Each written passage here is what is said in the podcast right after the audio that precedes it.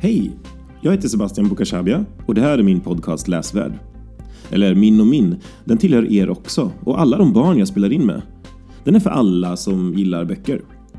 Eller man måste inte ens gilla böcker eller att läsa. Eh, den är till för alla helt enkelt. Det här korta informationsavsnittet är egentligen bara till för att ge lite bakgrund för dig som är ny hit. Jag kommer att berätta lite om podden och om mig själv. Det här är podcasten där jag intervjuar barn och ungdomar om deras favoritböcker. Eller en bra bok de läst. Eller en bok de gillar. Eller den de hade i handen när jag haffade dem i skolkorridoren och sa Nu kör vi! Om du vill vara med och prata i podden, be en vuxen att höra av sig till mig på Instagram eller på mail så löser vi det. På Instagram heter jag lasvard, det vill säga läsvärd utan ä.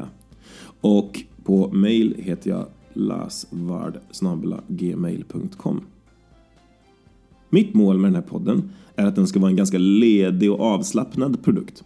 Det vill säga att samtalet kan hamna lite var som helst ibland.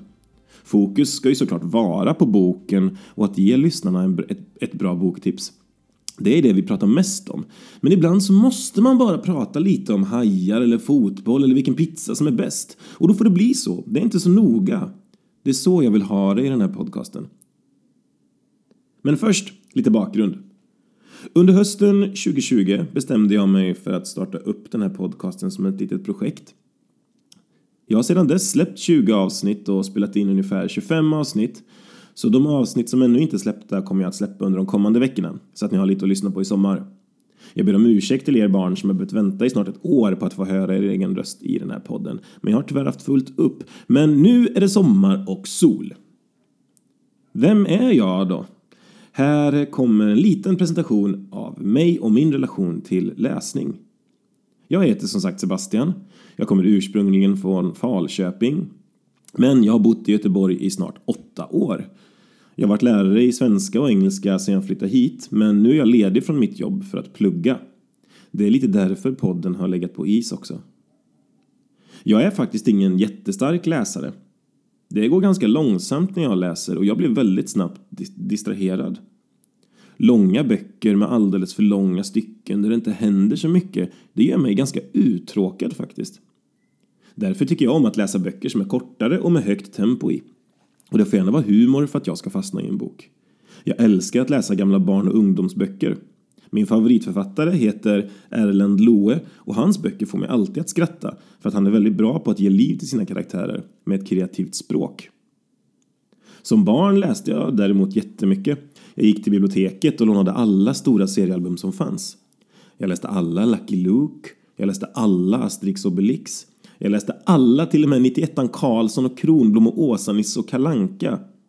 Gamla, gamla serier. Som barn älskade jag serier och jag gick till biblioteket flera gånger i veckan på somrarna.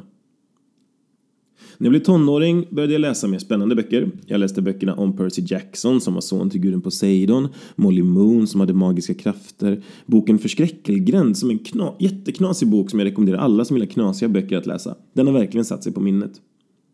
Sen slutade jag dock att läsa. Um, ibland är jag lite ledsen för det, men det hände så mycket annat i livet och jag gav inte läsningen tid. Det som är tur, det är att böcker och berättelser inte försvinner. Jag kan läsa dem idag istället, nu när jag vill. Med den här podcasten hoppas jag kunna visa på att alla gillar olika. Vissa älskar att läsa korta böcker, vissa älskar att läsa långa böcker. Vissa älskar böcker med bilder, vissa hatar bilder.